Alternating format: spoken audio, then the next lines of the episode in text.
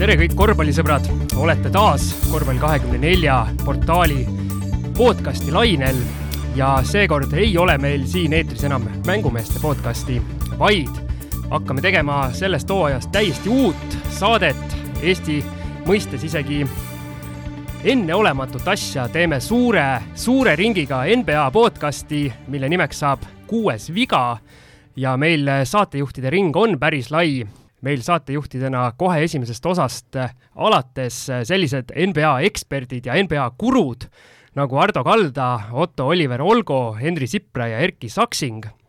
Need mehed hakkavad teile siis nädalast nädalasse erinevaid NBA jutte rääkima ja natukene veel kannatage minu häält ja siis need mehed asuvad tööle.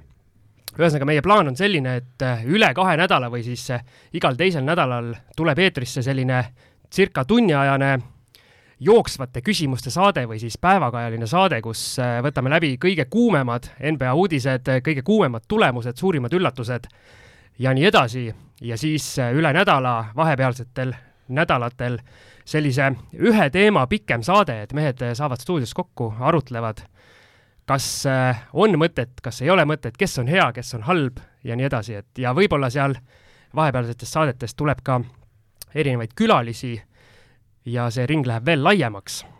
aga selline see plaan meil praegu on ja loomulikult äh, saate osaleda saates ka teie, teeme selle jaoks äh, eraldi emaili aadressi kuuesviga at gmail punkt kom, et alati siis julgustame teid meile tagasisidet saatma, andma omapoolseid mõtteid, mida teha, paneme need kõik kirja ja siis äh, loodetavasti suudame ka ellu viia.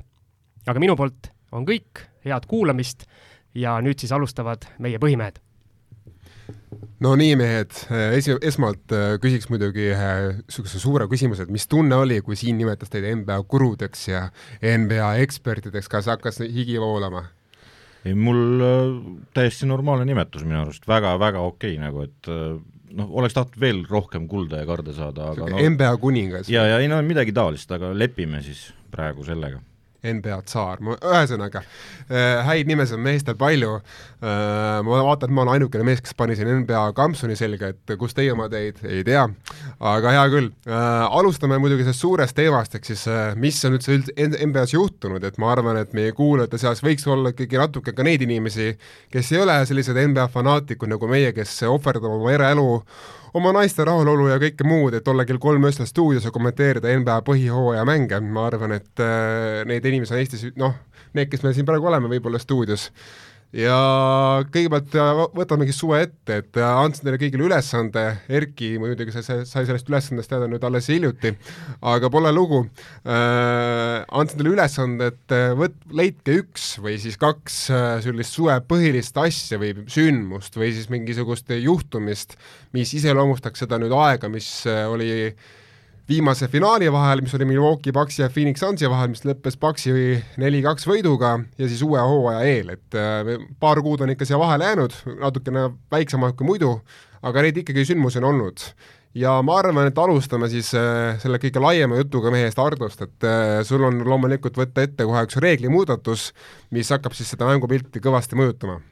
jah, ja tänud jälle tiitlite eest, aga jah, NBA on siis sel hooajal või tuleval hooajal saamas muutust, kus viskav mängija vastasele selga hüpates või liinides siis tema peale või toetudes eesti keeli, ei, ei meelita enam viga välja. ja olgem ausad, see, see reegel on hea, sellepärast et see mäng hakkas väga koledaks muutuma no see reegel oli ju selline, et ütleme nii, kui sa niisugust asja tegid tänavu korvpallis, no sind visati mängust välja. no tegelikult küll ja teine asi on see, et äh, kogu aeg pidime vaatama, kuidas James Harden, Luka Doncic ja nii edasi ja nii edasi, mehed istuvad vabaviskejoonel ja viskavad vabaviskeid, siis äh, hiljem said kisakõrid kisada siin Doncicite ja asjade kallal nende vabaviske protsendi pärast ja nii edasi ja nii edasi. kõik see jääb nüüd ära mäng läheb palju paremaks sel põhjusel juba, et nad peavad hakkama oma vastast üle mängima ja mitte nende peale toetuma, ehk siis me saame kõvasti paremat äh, nii-öelda handless job'i nägema. Ma olen nõus sinuga, samas äh, sa ei, sa nimetanud tegelikult selle, selle reegli põhilist kaotajat, ma arvan, et Trey Young oli see noor mängumees, kes ikkagi kasutas seda reeglit kõige loovamalt ära, et äh, ma isiklikult nagu tooksin välja selle eelmisest hooajast, kus Trey Young sai aru, et vastane on natukene hiljaks jäänud ja siis ta tagurdas mängijale otsa ja, ja mängija hüppas üle tema, et üritas kuidagi veel tasakaalu hoida, aga ikkagi kukkus üle Trey Youngi selja ja kohe vabaviskele kaks viset, et et Trey Young oli ikka väga loov selles. üks oluline moment selle reegli juures on nüüd see, et meeste väljakult viskeprotsendid, kuna nüüd äh, viskeprotsent tuleb kuidas? see on niimoodi, et kui sulle tehakse viga, siis see ei ole enam vise, seda ei loeta, äh, kui ta just sisse ei lähe. kui ta läheb mööda, siis kõik see ei, see ei loe ja kogu lugu. aga nüüd loetakse need kõik ära, sellepärast et vigu ju ei võeta samal ajal. Ja hakkab väga huvitav olema, mismoodi väiksemad mehed hakkavad äh, suurte meeste tagant viskama tagant ja nii edasi, et äh, vigu sealt ei saa, visked lähevad kirja, väga huvitav statistika saab olema.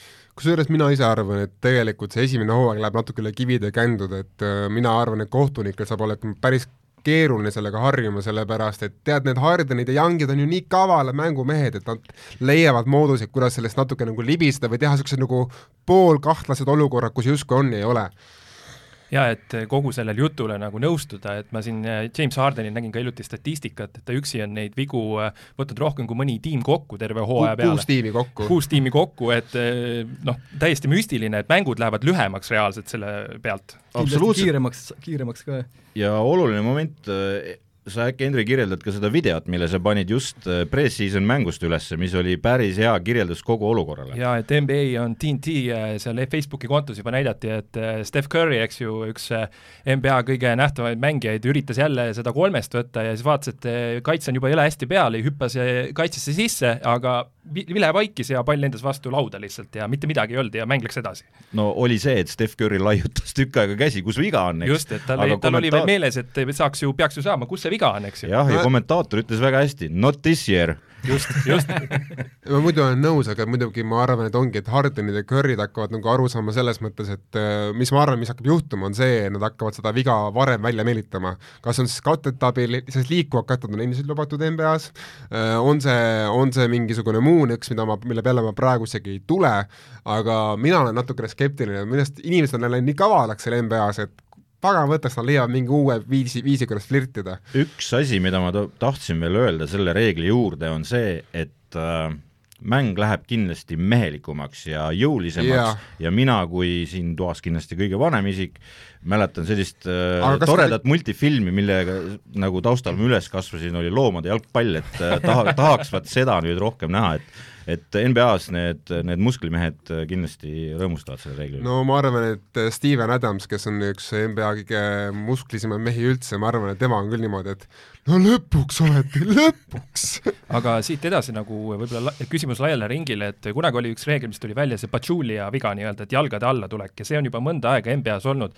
et äh, alguses olid kõik nagu ettevaatlikud, aga äh, mina, kui nagu NBA-d olen vaadanud, ikkagi minnakse sinna jalgade alla ja mõnikord tuleb see vile ära ja mõnikord mitte. kuidas teile tundub? see jalgade viga oli tegelikult juba üheksakümmend neli Miller, Miller, oli, oli, oli. ja et Reggie Milleri tõttu muudeti, aga siis miskipärast äh, mõned kohtunikud ei vilistanud seda, et ikkagi nad pääsesid see rõhutati üle nagu, eks ju ja, ja seal oli ka ju mõned kuulsad mängijad on öelnud, et nad reaalselt üritasid ka vastaste staari võib-olla isegi vigastada, et et Kobe Bryant oli üks niisugune mängumees, kelle roniti jalgade alla väga tihti, et seda on isegi Stephen Jackson ju oma podcastis, ei, Jalen Brown, vabandust, Jalen ja. Brown tunnistas, et et ta ei teinud seda küll tahtlikult, aga ta ei saa öelda, et ta tegi, et see juhtus kogemata. Jalen Ro-, oota, Rose, härra Rose. Jalen Rose, jah. Jalen Rose, just, jah. tema ja. ütles jah, tunnistas üles selle asja. ma siinkohal nagu muidugi need reeglid ma võrdleks, või see võrdlus on võib-olla natukene kohatu, sellepärast et üks oleneb kaitsemängija liikumisest, teine oleneb mehest, kelle käes on pall ja praegu oli probleem palliga mehes.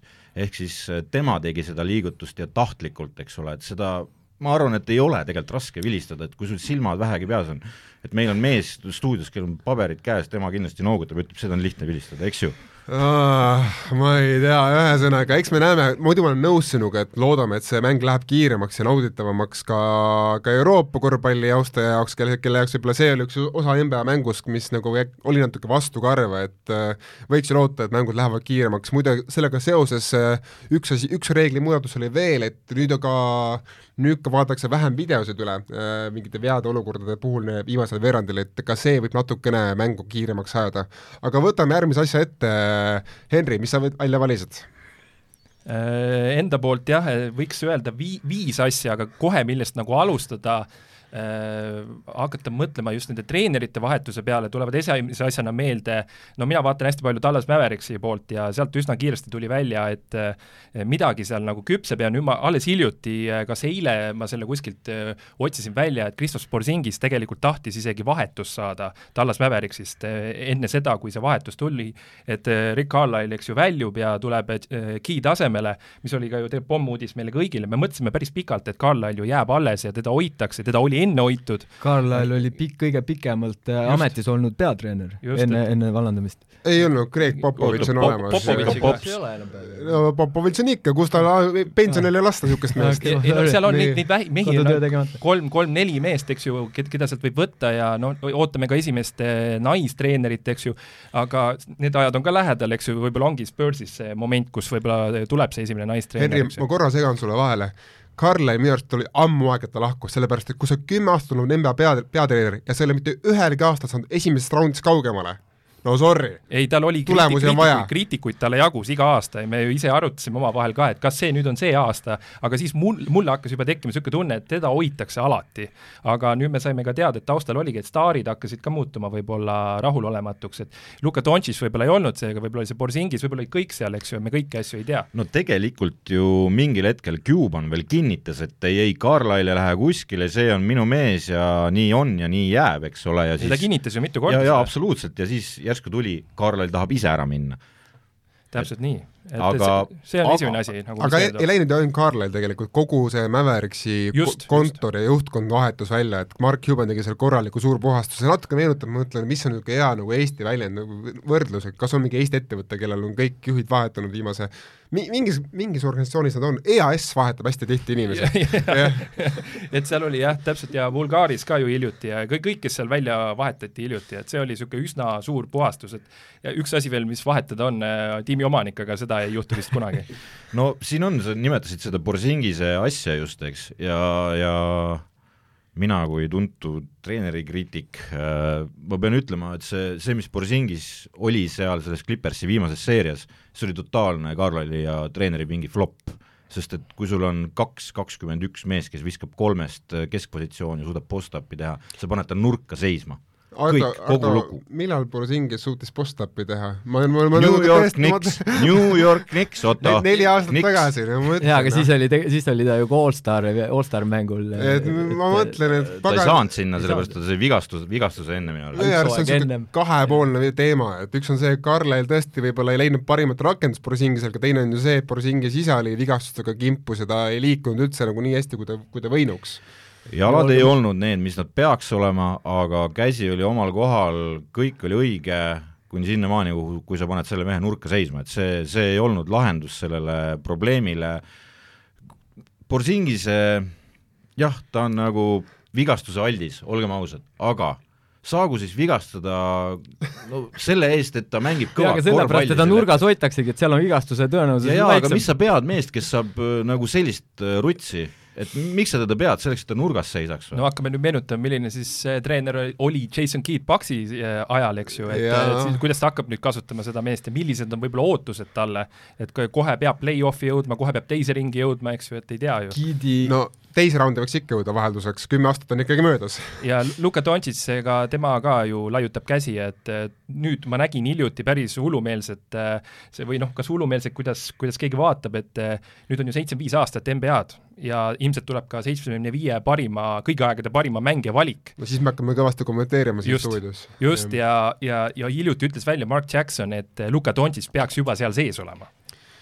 Tead uh,, Shaq valiti viiekümne mängija hulka, kui, kui ta oli kahekümne nelja aastane, mina, sorry, aga Luka ei ole veel nii kõva mees, kui Shaq oli kaheksa, kui, kui, kui Shaq oli kahekümne nelja aastaselt. olen Ottoga nõus, sest Shaqil oli juba üks äh, finaalis käik Orlandoga all ja no Shagist oli näha ka, et sealt, sealt oli mingisugune koljak, keda pole varem NBA-s nähtudki, et selles mõttes, et äh, no natukene vara, natukene vara. ma ise, ise olen ka, kaldun sinnapoole, aga see, et ju sellised mehed nagu Mark Jackson äh, seda välja ütlevad, see näitab, et seal see meediatugi või Kule, miski on, on päris suur juba. Mark Jackson on öelnud ka seda, et äh, NBA mängijad, kes teevad pattu, läheb põrgusse ja need, ma arvan, et kogu, kogu liiga läheb läheb, läheb see põrgusse. Jacksonile saab puid panna ilusti muidugi mina valisin ikkagi selle põhilise vahetustehingu, mis suvel tehti, et äh, Russell Westbrook läheb siis Washington Wizardsist Los Angeles Lakersisse ja ma mäletan, kui ma panin selle uudise üles Eesti kommuunidesse ja oi kui rõõmus äh, oli Otto, oi kui rõõmus. mina olin, ma, ma avasin šampuse ja kes, kes siis juhuslikult ei tea, siis ma olin väga lähedal, et ma panen oma esimese poja nimeks Russell, aga et austada Westbrooki. jah, selle taustal tõmban kaua mängiva lahti Otto hakkab Westbrookist rääkima.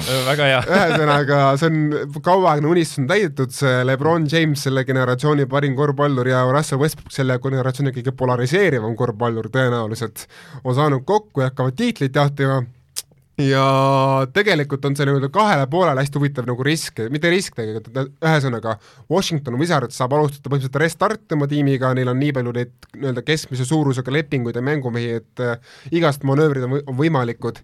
Ja Lakers noh, pani põhimõtteliselt kõik mängu, mis vähegi mängu annab, et panna, et äh, põhimõtteliselt neil, neil, neil jäi alles kolm meest eelmise, eelmise aasta, eelmise aasta tiimist, kolm meest, LeBron James, Anthony Davis ja kahekümne-aastane Taylor Horton Tucker, kes on nüüdseks ka Lakersi vist neljas makstud mängija, ühesõnaga nelja, kõige noh, enim, enim tasuvate mäng, meeste seas, et äh, kõik on mängus, draft pick'e neil alles pole, ante kõik New Orleans Pelicansile Davis, Davise eest, äh, noori mängijaid on üks, Taylor Horton Tucker äh,, keskmine vanus tiimil on kuskil kolmkümmend kaks aastat, mis on sul üheksakümmend kaheksa pulsiga enam-vähem võrdne. ja mitu kaks tuhat kolmteist allstari seal oligi? seal on kokku, seal on kokku mehi, seal on kaheksa meest, kes on saanud allstariks ja neid kokku on vist mingi kuuskümmend üks või ühesõnaga kuuskümmend üks allstari satsi peale kokku, et äh, et kõik on mängus, NBA, NBA vanim tiim, Showtime ja siit hakkab tulema, siit hakkab tulema show'd, ma räägin, siit hakkab Kurt tulema. Rambis on vaid puudu. Jaa, ma ütleks, Andre Miller on ka puudu ja mõned niisugused neljakümne-aastased mehed. no ma omalt poolt nagu küsiks, jätame selle Wizardsi praegu kõrvale, sest Wizards minu arust sai väga hea diili ja väga head mehed ja, ja nad, nad, nad vahetasid John Walli Westbrooki vastu ja Westbrooki, ühesõnaga Wizards on seitsmendas taevas. Abs-, ei absoluutselt, selles mõttes, et äh, nad said väga hea potentsiaaliga vennad ja me teame kõik, et kes, kui Lakersist minnakse, siis hakatakse avanema alles, sest et seal on väga suured äh, koormad seljas, aga ma küsiks hoopis nii, kas seda ei ole karta, et Westbrookist saab järgmine Schröder Lakersis, sest et äh, nii Schröder, Schröder on väga hea mängija tegelikult, olgem ausad, ja, ja mängujuhi koha peal mängiv mängija nagu Westbrook, Schröder, ta vajab oma potentsiaali väljamängimiseks mida? palli, palli. palli. nii, kui hea mängija on ilma pallita Westbrook ja kui hea mängija, noh, me teame, et Sööder ei ole väga hea mängija. ta on päris hea mängija ilma pallita, sest ta ei saa oma Westbricke teha. ja, ja aga nüüd, nüüd ongi see küsimus, et et kas, kas noh, Westbrook, olgem ausad, kui ta hakkab seal palli saama siis, kui kana pissib või Lebron istub pingi peal, et äh, mängu juhtida, et mis nüüd saab? ma tulin ette valmistunud, Tardo, ja ma vastan sulle, mis saab. Äh, esiteks, äh, eelmisel hooajal pani Lebron üheksateist katet terve hooaja peale päris hea näitaja äh, tema hooajarekord on kuuskümmend kaheksa ja juba on Le-, Russell Westbrook öelnud, et LeBron James on tõenäoliselt esimene mees, kes paneb mind katteid tegema. nii et äh, kusjuures ma arvan, et tal on mingi tõsi taga, sellepärast et LeBron on esimene mängija, kelle puhul tal, ta, ta päriselt saab aru, et see mees on temast parem mängija esiteks ja see mees aitab tal tiitlini jõuda. ma arvan, et tal polnud sedasama austust Kevin Durantiga, kuna, kuna olid koos Oklahomas, sest nad sama vanud, sama vanad, sama vähe võitnud, ei ole, ei ole niisugust austust tekkinud, eks ole, et mõlemad tahtsid olla alfad uh,. Paul George samamoodi, pole mitte, mitte midagi võitnud tegelikult, eks ole, et tal noh, ja lisaks tolleks hetkeks oli Thunder juba Westbrooki tiim. et uh, ja kui ta läks sinna Houstonisse, James Harden pole ka mitte midagi võitnud nagu tiitlite mõttes, et uh, ja noh, Wizardsist rääkimata, Bradley Beal pole mitte midagi võitnud, et uh, et ma arvan, et Lebron on tõesti esimene mees, kes paneb Westbrooki ilma, pallita. Pigem noh, nii-öelda rahuldavalt mängima, ma ei ütle, et hästi, aga rahuldavalt, ja mis teine on, on tulnud välja, on see, et nii Frank Vogel, Lakersi peatreener, kui ka Lebron James on mõlemad öelnud, et nad tahaksid, et põhihooajal olekski pall enamjaolt Westbrooki käes, sellepärast et Lebron tahab olla rohkem ilma pallita, säästab keha ja natuke koormust. Ja tõenäoliselt on tiim ka parem ka siis, kui, kui Lebron ongi ilma pallita ja Westbrook nii-öelda saab show'd juhtida ja olla natuke omas mahlas. et äh, põhijooajal ma arvan, et see töötab hästi, mis play-off'is juhtub, noh, seda me hakkame vaatama. no aga kui Westbrook hulluks läheb, saab ju Rajon Rondo ka mängu panna ja rahustada nagu. no vot seal ma tahtsingi jõuda tegelikult selleni, et äh, okei okay,, Westbrook äh, noh, annab palli Lebronile, eks ole, ja, ja ma ise olen ka mõelnud seda ja, ja lugenud, et, et Lebron tegelikult peaks saama vähem minuteid põhijooajal, et vähem keha, mänge. ja no keha ja. ei, ei ole päris see enam, eks. ja iga lops tähendab vigastust talle, aga et siis justkui mänguaeg suureneb Westbrookil, kes saab siis rohkem palli, aga wait a second, kuskil on veel Rondo, kes tahab mängu tulla ja kui Rondo tuleb mängu, siis Rondo vajab ka palli, et kogu seda pulli juhtida seal, eks. sest Rondo ilma pallita ei tee mitte midagi. täiesti mõttetu mängija, eks. minu ennustus on see, et Rondo ei saa platsilegi eriti päriselt, ma arvan, et ta langeb sinna pingi tagumisse otsa, on niisugune mängijas treener. ja Kendrick Nunn on ka üks nimi. just, ma arvan, et Nunn, Nunn saab, Nunn saab varumänguhi minutid endale, et mina ei usu, et Rondo seal, noh, Rondo on see, kui Westbrook või ja, ja Lebron ja Nunn on vigased, siis võtame Rondo kapist välja ja tulutame üles ja no Rondo on äärmiselt suure treeneri potentsiaaliga mängija, ma arvan, teda me näeme kunagi mõne NBA meeskonna treeneri, mingil peatreenerina lausa sest et see vend on, äh, on tõeline geenius. ma vaidlen vastu, ma arvan, et Rondo ei saaks kunagi peatreenerit, sest ta on niivõrd geenius, et ta ei mõista ta, ta, ta, ta, ta, ta ei mõista mitte kunagi NBA keskmist äh, mängijat ta ise on NBA keskmine mängija no tänaseks pildiks küll, aga, aga ma kardan, et ta on lihtsalt ise niisugune, tal on ego ka, et Kobe Bryant on minu arust öelnud, et üks mängija, kelle ego ja kelle on sama suur, on, on Rondo. no kaklusi on olnud ja alles hiljuti siin Asaia Toomas oli, oli üks lemmikmees, kellega tal meeldis rusikaid ristata mänguvälisel ajal. aga samas mängujuhtide tulek peatreeneriks on ju päris kõva trend praegu, kui vaadata on küll, on küll, ei, ei saa vastu väita, Erki, kas sul on ka midagi veel, mingi mu-, suur Lakersi koha pealt ei ole, e, e, kui siis ainult selle Carmelo Anthony e, sõrmusjahi mainiks ära, et ei saa ju tedagi unustada, et pool banaani boat'i on olemas, eks ju. Ka tõsi, et et Lakers, nagu me rääkisime, et Lakersi puhul esimesed mängud näitavad ja hooaeg on pikk, vanad mehed, huvitav fakt veel, et aastal kaks tuhat kaksteist, kui Anthony Davis NBA-sse draftiti, siis ülejäänud kõik Howardid, Rondod, neil oli, nad seal oli allstar viisiku jagu, nad olid allstar algviisikus kõik need mängijad, Mark Gasol, kes oli vist mingi kaitsemängija tol aastal ja et väga, väga, väga nagu nimekas seltskond, aga aga nimed ei mängi nimed ei mängi ja tõesti noh, natuke paneb mind ka muretsema, et see on tõesti üks NBA läbi ajaloo kõige vanemaid tiime, et äh, keskmine vanus on kui kolmkümmend kaks, siis ütleme nii, et äh, no tõesti see üheksakümmend kaheksa Bulls, kaks tuhat üksteist Mavericks ja mõni veel sinna, kaks tuhat kolmteist Knicks oli ka üks tiim, kes oli hästi-hästi vana. et äh, eks me saame näha, kuidas need kehad vastu veavad, aga samas selle jaoks toodigi need noored poisid nagu Kendrick Nunn ja Rondo pingil. just McClung aga ma saan aru, et sul niisugust suurt teemat võib-olla ei ole, et minuga, nagu minu, nagu need sleeperid või millest mina pikemalt rääkisin, tahaksin rääkida, on Utah, aga siin me, siin me ja-, siin meil on ühine ja, ja mina Golden State'i fännina, et seal, seal ma, seal mul on Clay Thompson tuleb tagasi. jah, võime rääkida sellest, võime rääkida sellest kui suurest nagu teemast, et Clay Thompson, kes tegelikult oli ju no ütleme nii, et eelmise suure NBA võitjatiimi nii-öelda üks põhiline koostis osasid, et ilma Clay Thompsonita pole ka Golden State Warriorsi. et mina arvan, et see võib olla tõesti olla üks NBA hooaja suurimaid sündmusi, kui Thompson tuleb tagasi platsile, sest ta on universaalselt armastatud mängija, võib-olla Warriorsi üldse kõige sümpaatsem mängija läbi ajaloo paljude jaoks et äh, me saame näha, kas Warriorsil on seda vanat sädet alles, et teha veel üks viimane tuur oma vanakestega või on, või on see rong või uue, on see uued repeat'i järgi lähevad. või on see rong jah, sõidetud ja hakkab, peab otsima uut vagunit? ei, nad teevad uued repeat'i.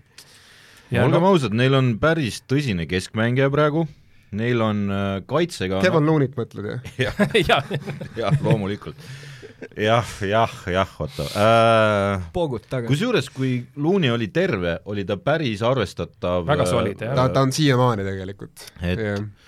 praegu solvasid väga valest suunast. aga mulle noh, Köör on minu arust geniaalne treener, ta on äh, suutnud panna mehed, kes on nagu NBA parimad viskajad, meeskondlikku kaitset mängima ja, ja kõik see, kuidas nende rünnak ja nii edasi toimib, see on minu arust geniaalne, kuidas, kuidas Golden State'is see kõik käib, eks. Et äh, küsimus, suur küsimus on see, et mismoodi Clay tagasi tuleb, nendest vigastustest ei tulda tavaliselt tagasi sajaprossaselt, eks ole, me näeme seda, jah, me näeme harva seda, kui tullakse sellisest vigastusest no sul on jah, Achilleus ja sul on see ACL, mida põlvad, põl-, põlveristad sidemed on see e-, eestikeelne nimetus, et äh, see ei ole ka ühtegi head juhtumit, kes oleks sama hästi tagasi tulnud mõlemast vigastusest, mis on tulnud üksteise järel. aga üks mees, kes sellest on välja tulnud, oli ju kunagi Livingston äh, ja Warriorsi mängija, päris palju vigastusi oli tal ja aga noh, seal on muidugi natuke olukorrad erinevad, aga mis ma tahtsingi juurde öelda, et Kendrick Perkins ütles hästi, et üks asi, mis viga ei saanud, oli Clay Thompsoni viskekäsi. Jah, jah, muidugi jah, siis jõuame selle juurde, et noh, kui on nii-öelda viskekäe küsimus, võime saata Gerd Kullamäe ka sinna NBA-sse ja nurgas ootab, eks. just, pane, paneme no, nurka viskajad mängivadki ju kauem. mängivad jah, aga ega nad tegelikult nii pikalt ka ei mängi, ma mõtlen, kes on viimane viskaja, kes on mänginud üle neljakümne eluaasta, ega ei ole niisugust meest, et pikka, pikad mängivad ikka mõned. JJ Redick võib-olla, vana ta kolmkümmend kuus, kolmkümmend seitse. jah, ikka lõpetas ära. väikemehed ikka lõhutakse NBA-s üsna ära, et äh, seal ei, ei ole midagi teha ja pikad mehed ka nagu Borisingis. selle, selle no peenikesed ja pikad mehed yeah. siis. Clay kokkuvõtteks, et äh, ma usun, et kõige rohkem võidab Clay tagasitulekust Steph, Steph Curry, äh, sest et äh, Clay on väga hea kaitsemängija, nagu alahinnatud kaitsemängija. ta oli, et no ma usun, et kaitset, kaitset ta siiski suudab mängida ja, ja pigem on lihtsalt see, et ta ennast ära ei lõhu, et need mänguminutid võivad olla küsimärk, et, et kusjuures palju... ta saab kindlasti hoopis rõõmsamaks, muutub ta, ma arvan, rünnakul, sellepärast et tema pealt läheb kuum maha poole võrra tagaliinis, eks ole, et äh, ta saab visata ja Durandi visked on ju nüüd äh, nii-öelda vabad, et no neid võtab Jordan Poole ära muidugi, äh, kes pani siin eile hooajal juba seitse-kolmest sisse ja kolmkümmend punkti, et me, me natuke ärg... nägime jah, et sealt tuli väike hoiatus juba. ärme, ärme muretse selle pärast, et Durant ei viska kuhugi ära ka, muideks on olemas ka niisugune mees nagu Andrew Wiggins, kes tahab ka oma viskeid saada. kes tegi väga hea eelmise hooaja.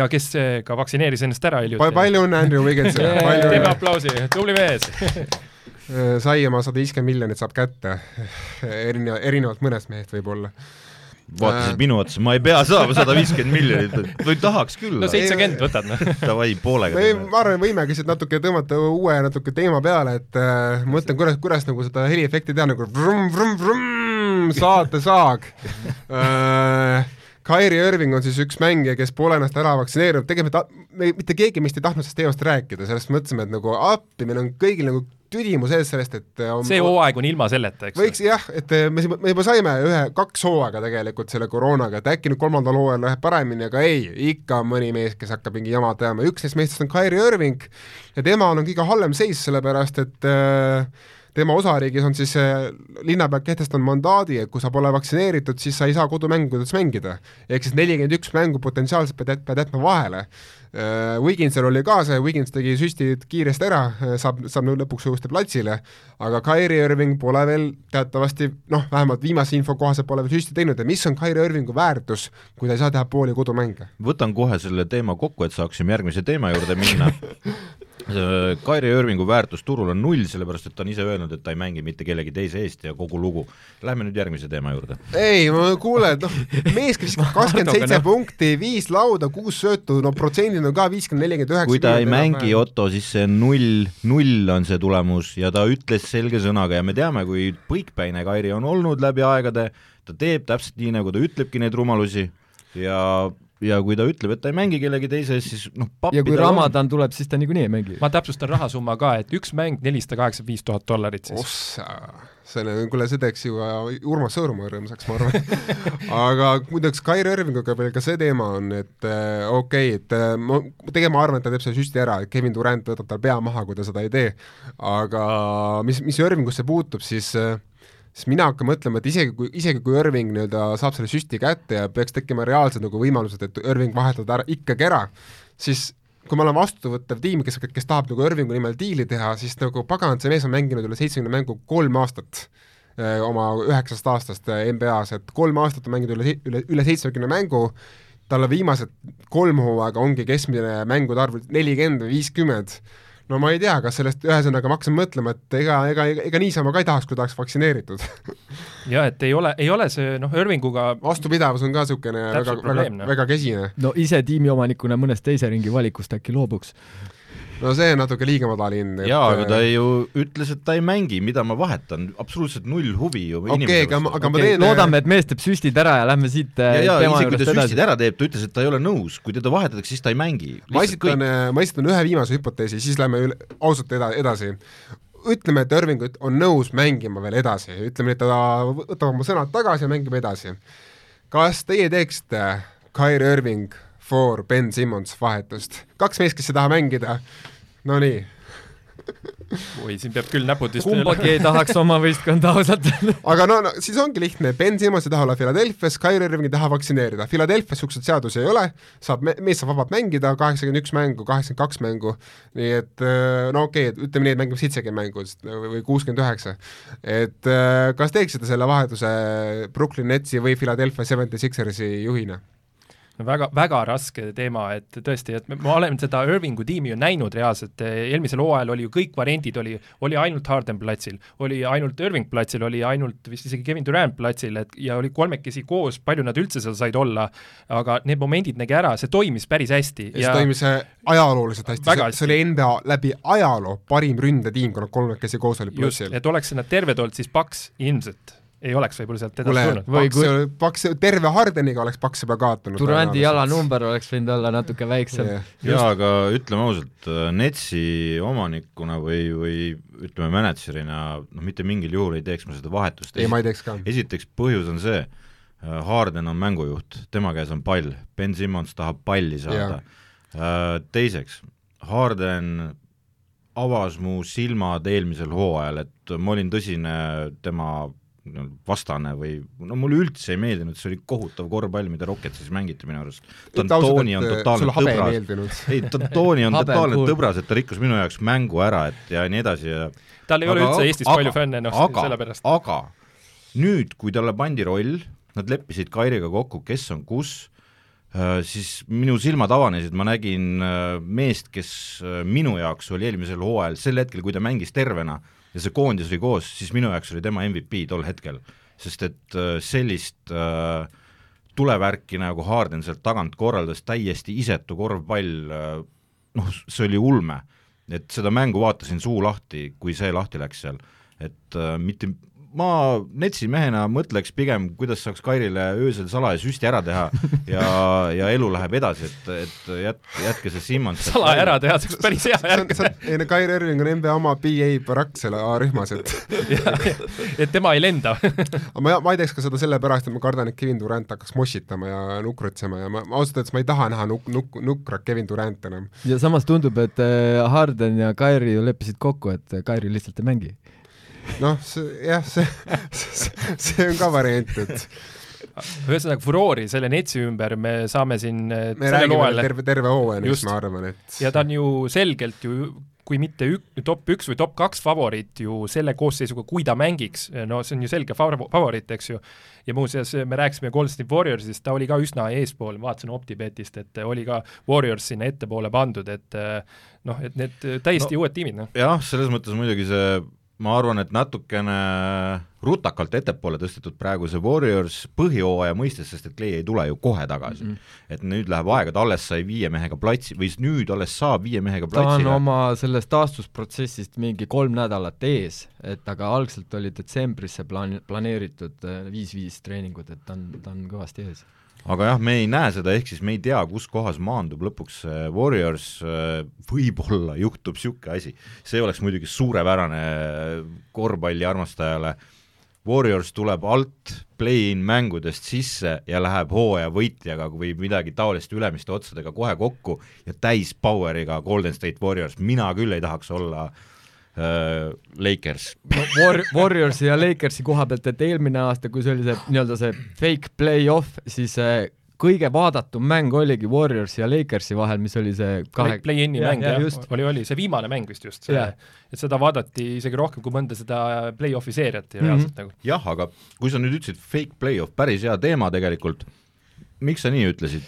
no sest et no ma, ma saan aru, et seda me meeskondade ringi, kes saavad sinna play-off'i või play-off'i joonele, on vaja nagu laiemaks saada, et siis igaühele jääb midagi näppude vahele, aga aga reaalsus on see, et eh, neid mänge on niigi nii palju, hooaegade vahe on nii lühike ja, ja milleks seda nagu lisa play-off'i teha, et aga mäng, mullis, ei tule juurde. kui mullis tehti, siis oli veel nagu arusaadav, et kõik on, kõik kõik on ühes kohas, aga, aga eelmise hooaja lõpp ei olnud mullis, et äh, mäng ei tule juurde ju tegelikult, mängud arvab samaks, lihtsalt on asendatud osad mängud ära play-in'iga mm,. siin, siin on nii kriitikuid kui po pooldajaid selle teemaga ja seda on ka NBA-s väga teravalt, et äh, osad just ütlevadki, et äh, see vaadatavus suureneb ju umbes kümme mängu muutu-, nende tähendus muutub suuremaks just seal hooaja lõpus. et muidu oleks juba see nii-öelda tanki minek, eks ju, aga sel hetkel sa saad veel nagu millegi nimel mängida ja ja seda me nüüd oleme nagu näinud, et see on see positiivne külg, eks ju, selle asja. jaa, aga sa rääkisid praegu umbisikuliselt, mis on sinu arvamus? no mina ütlen nii, et kui ma neid mä-, mina pean neid mänge vahepeal mõnikord kommenteerima ka, siis on tegelikult, mulle meeldib, noh lihtsalt sellel mängul on mingi väärtus, kui sa saad selle mängu, mis nagu ühel hetkel pannakse sinna kavasse, arvates, et sellel on mingi tähtsus ja siis ja kunagi hiljem vaatad, tuleb see kokku ja seal ei ole mingit tähtsust, siis on ikka päris masendav neid asju. või staarid Mu... puhkavad selles mängus näiteks. aga mulle isiklikult meeldis, sest et kohe hooaja lõppu laoti meile elu ja surma peale mängud ja see oli nagu väga äge vaadata, sest et siis järsku hakkas nagu maksimumkorvpall kohe pihta.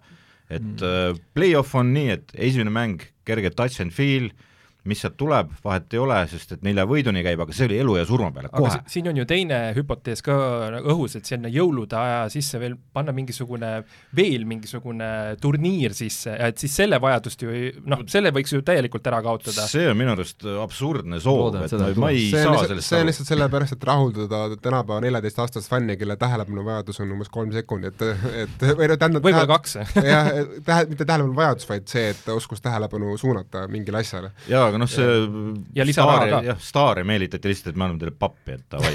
jaa, et mis seal olid, võit, võitjad, mängijad saavad, kes selle nii-öelda miniturniiri võidavad, kõik saavad miljon dollarit, aga samas sellistele staaridele, mis see miljon dollarit, kui siin vennad on nõus äh, nelisada kaheksakümmend viis tuhat dollarit mängust äh, lihtsalt jätma lauale, et ma ei mängi, et siis see vist ei huvita neid eriti. no võime selle miljonite jutuga minna rahulikult nii ühe mehe nimi, poole, kelle nimi on Ben Simmons, kes ei saa siis kaheksa miljonit kätte, äh, nimelt siis Ben Simmonsilt Philadelphia Six, Sixers ütles mehele, et sorry, kuna sa ikkagi treeningutele ei tule ja sa eelhooaja mängudele ka ei tule, siis äh, miljonid jäävad meile, et äh, iga, iga järgmise treeningu, iga järgmise trenni või, või mängu eest, mille sa jätad vahele, see papisumma läheb järjest suuremaks, mis, mis jääb meile potentsiaalselt võib seal isegi kakskümmend miljonit lõpuks olla. või isegi rohkem, kui ta jääb sinna kaheks aastaks või kolmeks aastaks, mida muidugi ei juhtu.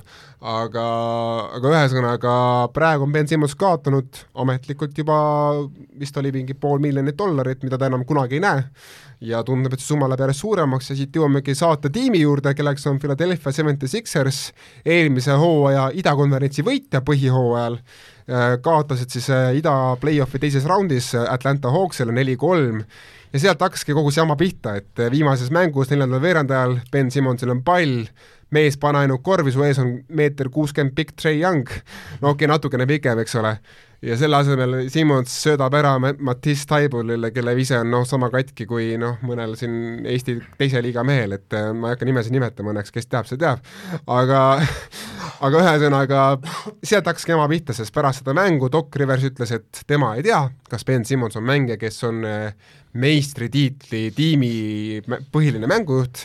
Ja Joel Embiid ütles, et kes on mäng, meeskonna staar, ütles, et tema teab väga hästi, kus see mäng sai, sai otsa ja ta noh, viitas, viidates sellega selle olu, olukorrale, kus terve saal ahhetas. nii et ja pärast seda on, on Doc Rivers veel üritanud olukorda parandada, nimetades, võrreldes seda olukorda holokaustiga see aitas kindlasti mis on nagu omamoodi strateegiline lüke, et miks sa üldse võrdled NBA-d holokaustiga, mina ei tea. sunnitöö jah, aga ühesõnaga praegu on olukord selline, et Ben Simmons on Los Angelese linnas, ei tule kohale Philadelphiasse, ei plaanigi kohale tulla, meeskonna liikmed küll üritasid minna Los Angelesse, et rääkida Simmonsiga, et kuule mees, et noh, tulen trenni ka vahelduseks. Simmons ütles, et ei, nüüd on kõik, mina ühtegi mängu enam Philadelphia Sixersi eest ei mängi ja olemegi jõudnud patti, niisugusesse patiseisu, kus Philadelphia Seventy Sixers ei taha Ben Simmonsit praegu vahetada, sest ta väärtus on madalal, samas Simmons tahab uude klubisse ja ei tule, ei tule nii-öelda trenni ja jääb, jääb miljonitest ilma, et äh, mida teha sellises olukorras? Ma no, no alustad, alustaks, ma tõmbaks seda, seda saeniiti sealt käima.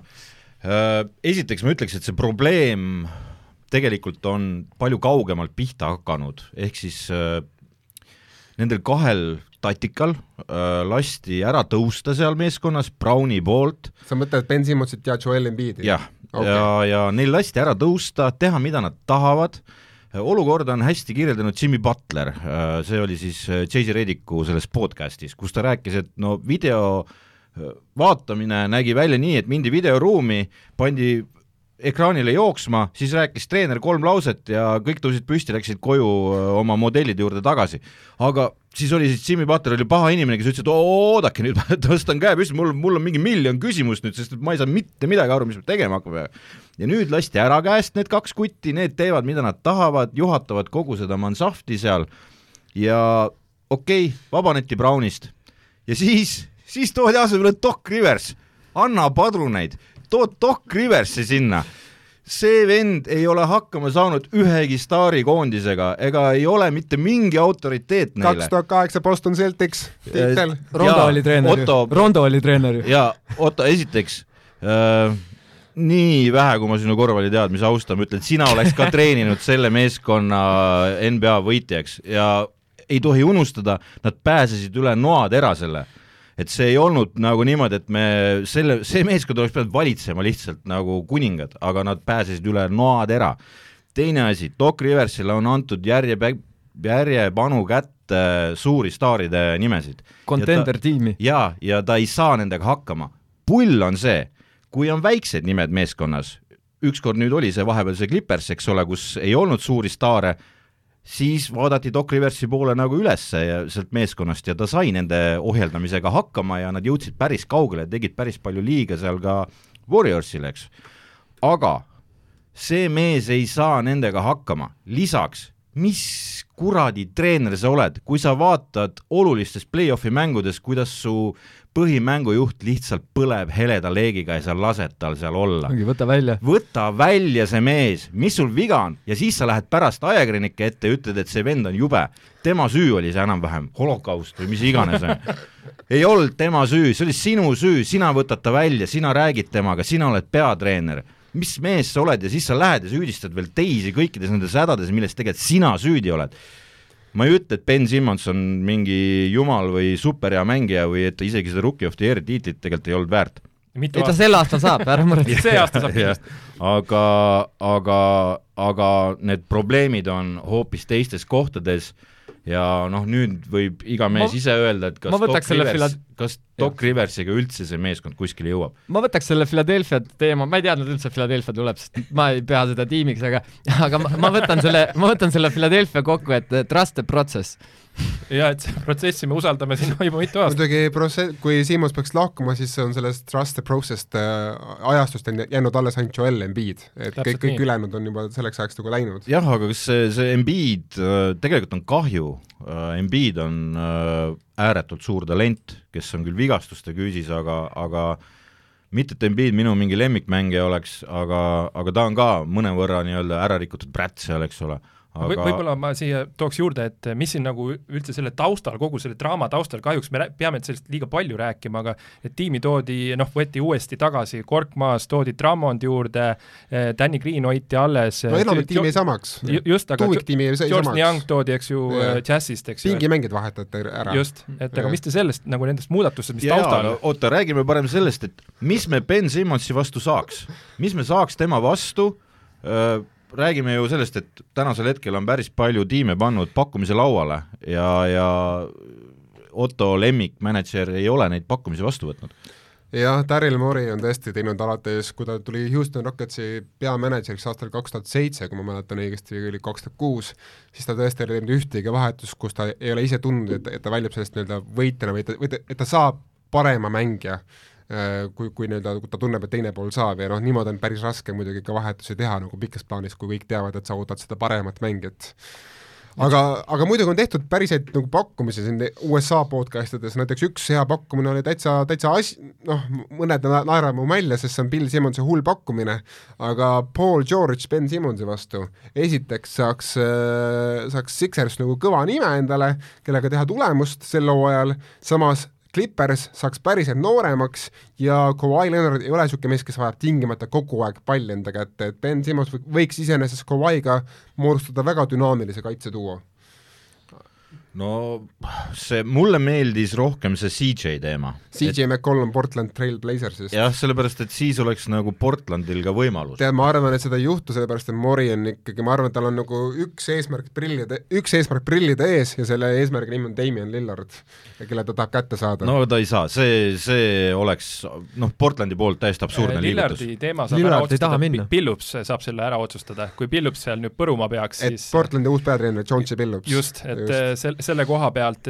vist ei ole Lillard kõige suurem uskuja Phillipsi tulemisse või vähemalt alguses, noh, ta ei, ei, ei ta lihtsalt hakkas kartma, et saab mingi negatiivset seda reklaami, sest Phillipsil on vanad skandaalid minevikust aga.... ja see, ja need juba käisid meediast minu arust läbi ka, et nojah, aga ma arvan, et Bill, Lillardil ise, ma arvan, Phillipsi vastu midagi ei ole, sest Phillips on legendaarne mängumees ja ikkagi noh, geni-, geniaalne mängumees. aga ainult mängumees, treener pole olnud? abitreener on küll olnud et, et, mitu aastat. ja seal, seal ta, kuidas tema niimoodi saavutused võiks no nagu kuidas sa hindad abitreenerit, kui ta pole olnud peatreeneri ametis. noh, seda on jah raske võtta, et samamoodi Warriorsist läks ju äh, sinna New Orleansi treener äh, Alvin Gentry, eks ju, ja et seal noh, ei, ei ole lihtne. Gentry on varem peatreener olnud New Orleansis. jah, ta sai vist seal proovida niimoodi uuesti, et aga Gentry see oli re-, rebuild äh, periood vist. ühesõnaga, ega mina, noh, ühesõnaga seda on juba meedias nagu tohku ja arutatud seda, et keda, keda saaks Simmonsest ja keda ei saaks, ma arvan, vastus on see, et ega enne viieteistkümnendat detsembrit kus siis muutuvad vahetamiskõlblikuks kõik need mehed, kes tegid siin suvel uusi lepinguid,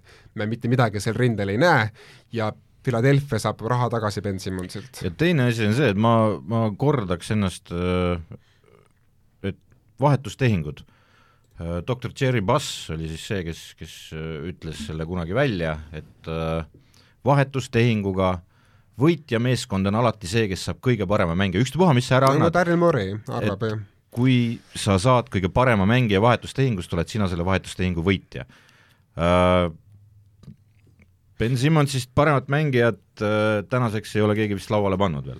veel ei ole ja ma ütlen, noh, see ongi see, on vaja kahte tangot tantsida, et siin ongi, pigem on küsimus, et kes vajab Ben Simmonsit, et see Portland. on küsimus no on jah, neid, neid tiime leiab ikka, Minnesota Timberwolves vajaks, äh, Sacramento Kings vajaks, ühesõnaga Sacramento, Sacramento Kings King, vajab kõiki asju. Sacramento Kings vajab management'i. Nad vajavad Jeesust ja Budat ka, eks ole.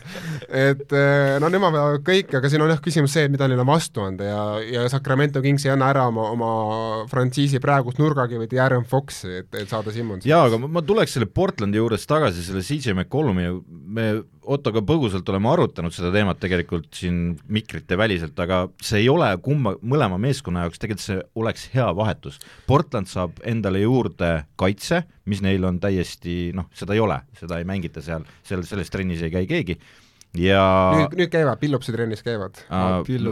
autoriteet ikka ja, ja, ja teiselt poolt saab viskamist juurde Seventy Sixers, mida neil ei olnud sellel positsioonil enne nojah, siin on lihtsalt see, et mis on Mori arvamus CJ McCollumist ja ma arvan, et see ei ole nii kõrge, kui, kui peaks olema. Et no siin oligi see, et me mõtlesime, et mis on see Ben Simmonsi nagu niisugune äh, asi, mida saavutada, et tema tahtis nagu alati kolmest saada enda mängu, eks ju, et mis juhtub enne, et Ben Simmons viskab äh, hooaja jooksul viis kolmest või Bitcoin tõuseb saja tuhande dollarini, eks ju, või midagi niisugust, et no, Bitcoin, jah, aga väga... teeme siia teema lõpuks, ma arvan, niisuguse kiir, kiirtulistamise, et mis on Philadelphia Seventy Sixersi, teie arvamus, et mis on nende tõenäoline hooaja hooaja nii-öelda käekäiks. teine ring. teine raund? see on isegi päris hästi. esimene ring. Mina pakun siis seda, et Siemens vahetatakse, vahetatakse detsembri lõpuks ära, äh, leitakse lõpuks paariline talle, ma arvan, et see on Sacramento Kings. See on minu, või, või Minnesota Timberwolves, üks kahest. Äh, ja ma arvan, et selle uue, kes iganes nad vast-, vastu saavad, ma arvan, et nad jõuavad esimese, esi-, kaotavad esimeses raundis. Ma pakuks teist ringi, ma pakuks teist ringi lootuses, et või arvestades, et nad siiski evivad päris head meeskonda ka ilma Simmonsita ja, ja kui kõik see Mansa terve on, siis nad on äh, tabeli, nad on hooaja lõpuks tabeli ülemises mm -hmm. pooles, ehk siis nad saavad nõrgema vastase ja ma arvan, et nad jõuavad sealt teise ringi, kus siis Nets või keegi kustutab nad ära. ja Embiid ju mängis MVP tasemel eelmine hooaeg mina arvan, et teises raundis on Heat, Hawks, Nets, Bucks mingis järjestuses, aga ühesõnaga võib juhtuda ime ja Joel, ja et Joel Embiid tõesti nagu teeb, tassib selle meeskonna teise raundi, et ta, ta on, ta on MVP tasemel talent. ja no ja. nüüd ongi, me jõuame ja. selleni, et kui see mees nüüd terve on, eks, eelmine aasta tuli jutuajamises sees, eks top kaks. et äh, kas nüüd on siis top üks äkki see aeg, aga me jõuame selleni kindlasti, kui me arutame Lähme edasi siit Sixersi juurest. ma muidu ütlen veel ühe sõnaga, et tore, et Andre Drummond on Philadelphia Seventy Sixersis mees, kellel on Embiid öelnud vist mingi kümneid kordi solvanguid ja et ta ei ole üldse minu, minu vääriline mees. Ja nüüd on, nüüd on tema back-up, et no aga kas... Messi ja Ramos on ka ju nüüd ühes tiimis.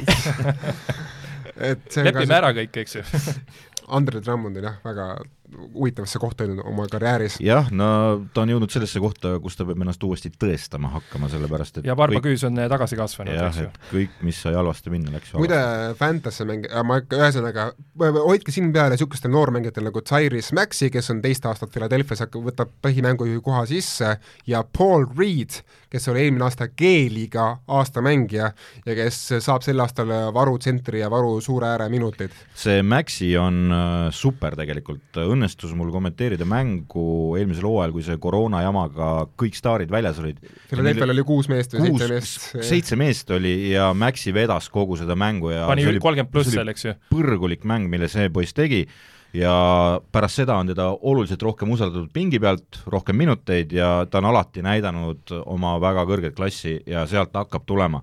ja see on tegelikult Simmonsi puhul järgmine teema, ehk siis kui teil on Maxi, kes on nüüd ka suvel arenenud kolmas hooaeg on ta. jah, et kas on üldse vaja mängujuhi koha peale kedagi leida või siis on äh, juba nõus äh, vahetusega ükstapuha, mis see oleks rets arenguhüpe, kui teise aasta mänge mängiks, mängiks nagu niivõrd hästi nagu ei, ta, ta, ta on teine aasta. on teine aasta. George Hilli oleks siis pidanud alles jätma, oleks mingi ta oli eelmine aasta rookie, ta on ta, no, Hill ei ole nii hea, et vedada seda algviisikut. ei aga... ta mitte, mitte et ta oleks alustav, aga vähemalt ta oleks nagu seda tagaliini, vaata kui Simmons ei mängi, siis oleks mingi tugi olemas. ühesõnaga, jama on selles, kui Maxi ei, ei, ei vea välja ja Simmons ei mängi, siis on ta ainukene mängujuht, kes veel on alles, on Shake Milton. et ühesõnaga noh, kedagi, keegi, keda Eesti avalikkus üldse ei tea. võib-olla Seth Curry't saab kasutada. jaa, noh, Seth Curry jah ja. ka, Curry vend no,. Curry on kaks tegelikult, olgem ausad, ta on ikkagi catch and shoot, eks. aga selles mõttes jah, ega seal mängujuhtimist üldse palju ei ole, kui Simmons ära võtta, seal on nagu väga vähe seda mängujuhtimist ja Maxil on minu arust liiga suur koormus ja liiga suur vastutus antakse kohe peale. aga eks me näe seda, lähme edasi mehed viimase... raiskame jah aega selle Sixersiga, et jaa, sest lähme nüüd tuleb favori... väga, lähme, lähme favoriitide kallale. ei, ei, nüüd, ei, ei, nüüd tuleb väga huvitav nüüd programm. tuleb äh, saate mahlakem osa, nimelt äh, me üritame ikka igas saates leida ka mingisuguse Eesti nurga siia saatele, et oleks nagu teil, eestlastel ka reaalne side NBA-ga ja loomulikult, mis on meil ukse ees, kohalike omavalitsuste valimised ja hakkame siis võrdlema, mis, mis NBA klubi on, mis, mis siis äh, Eesti erakond. ma alustan sellest, et Oklahoma City Thunder on Eesti tulevikuerakond. Äh, neil on väga helge tulevik, nad kindlasti kõik ise seda usuvad, praegu pole neist üldse põhjust eriti rääkida, kellel on äh, lootustandvad talendid tulemas peale, aga toetus ja üldse avalikkuse huvi nende mängude vastu on võib-olla niisugune ühe-kahe protsendi raundis, et aga, aga ma tahaks öelda, et Oklahoma City's siiski on äh Aleksander on olemas, on ju, see Gilsus Aleksander, eks siis äh, on Pokusevski, kurat, on, on väga hea mees tegelikult. väga hea mees, aga Euroliigas lihtsalt ei saanud hakkama. ja, ja aga ta ei mänginudki Euroliigas. mängis üle-eelmine hooaeg. Aleksei Pokusevski mängis Euroliigas, mul on seda raske uskuda, aga hea küll, ma usaldan sind. ta natuke pani liha ka peale, et see ja, ja aga see, et, et tule, tulevikuerakonnas ei ole isegi lootustandvaid mängijaid võib-olla praegu veel no võib-olla ka Orlando Magic, ütleme nii, et ka sealt või saab tuleviku erakonna võrdluse välja, kedagi eriti ei huvita, aga nii, aga sinu järgmine pakkumine? Äh, rohelised, ma mõtlesin selle peale päris pikalt, et äh, pane särgi järgi seltiks. ja ma tulin selle peale, et äh, Los Angeles Clippers.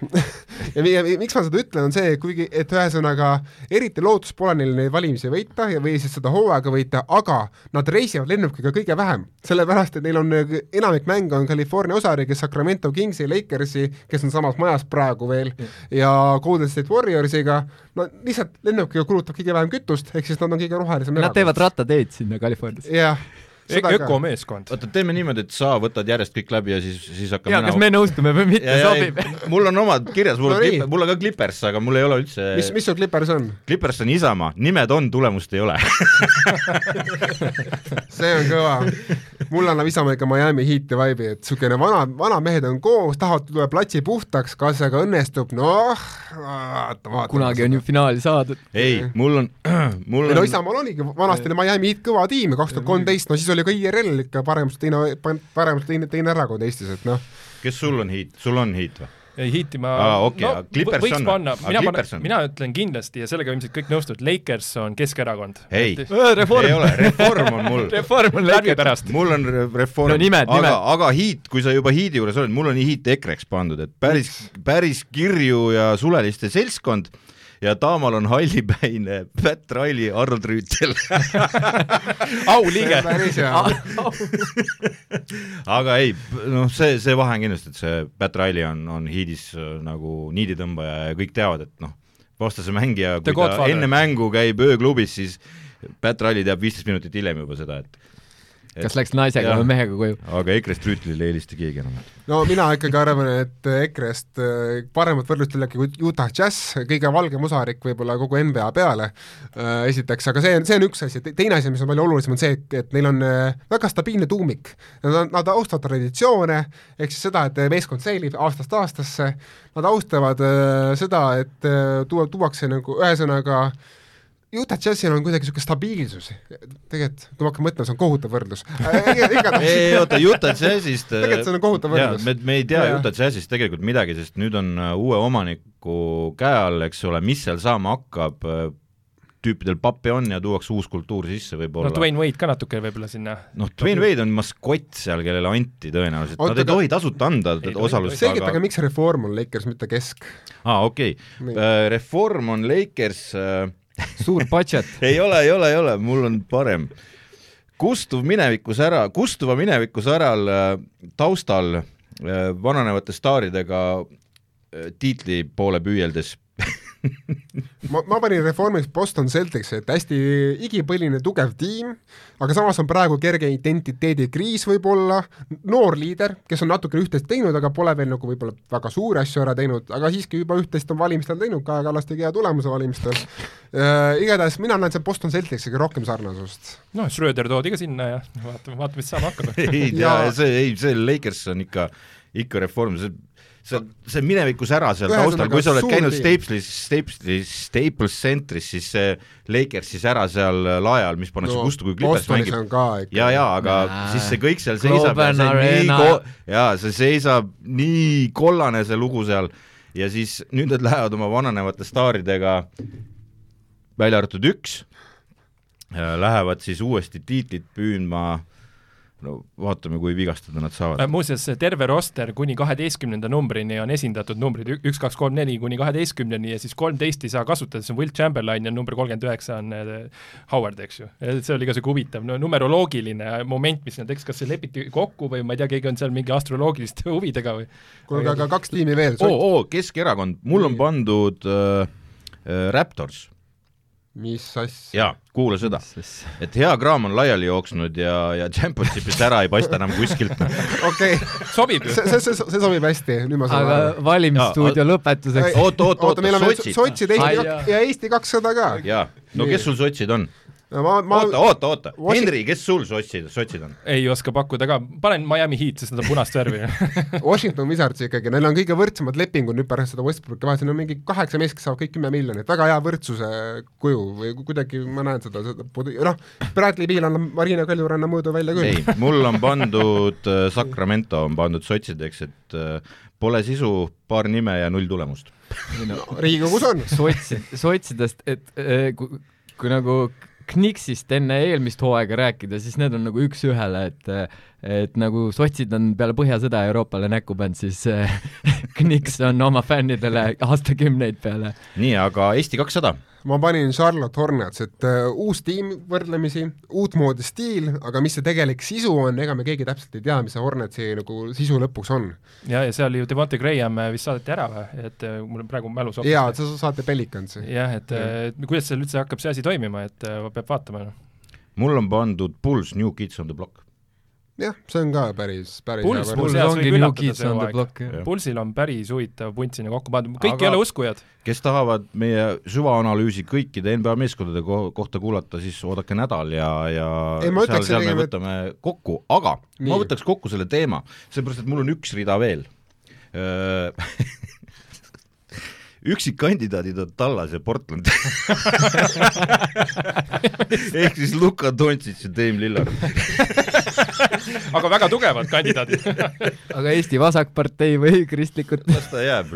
no see on jah, niisugune Greensboro svorm juba keeliga. See on keeliga. võtame juba, jah. valimisstuudio kokku. aga võtame stu- stuudio kokku, kirjutage meile, millist erakonda te näete, millise klubina aadressil kuuesviga.gmail.com, kirjutage meile ka mõtteid, mida te tahaksite üldse võib-olla siin saates kuulata, millest teil puudus, millest võib-olla, millest, tea, tahaksite vähem teada, näiteks poliitikast ühesõnaga, kirjutage, mis iganes mõtted teil on, me loeme need läbi, isegi kui me ei nõustu sellega, me ikkagi loeme need läbi, võib-olla, võib-olla loeme ette mõne kirja, ehk võib-olla vastame. jah, võib-olla, võib-olla lihtsalt jätame selle kirja loetuks, sõltuvalt siis kirja sisust. nagu ikka Op- Optimiti stuudios äh, nelik praegu hakkab lõpetama, aitäh, et kuulasite meid ja järgmise korrani! kõike head. tšau.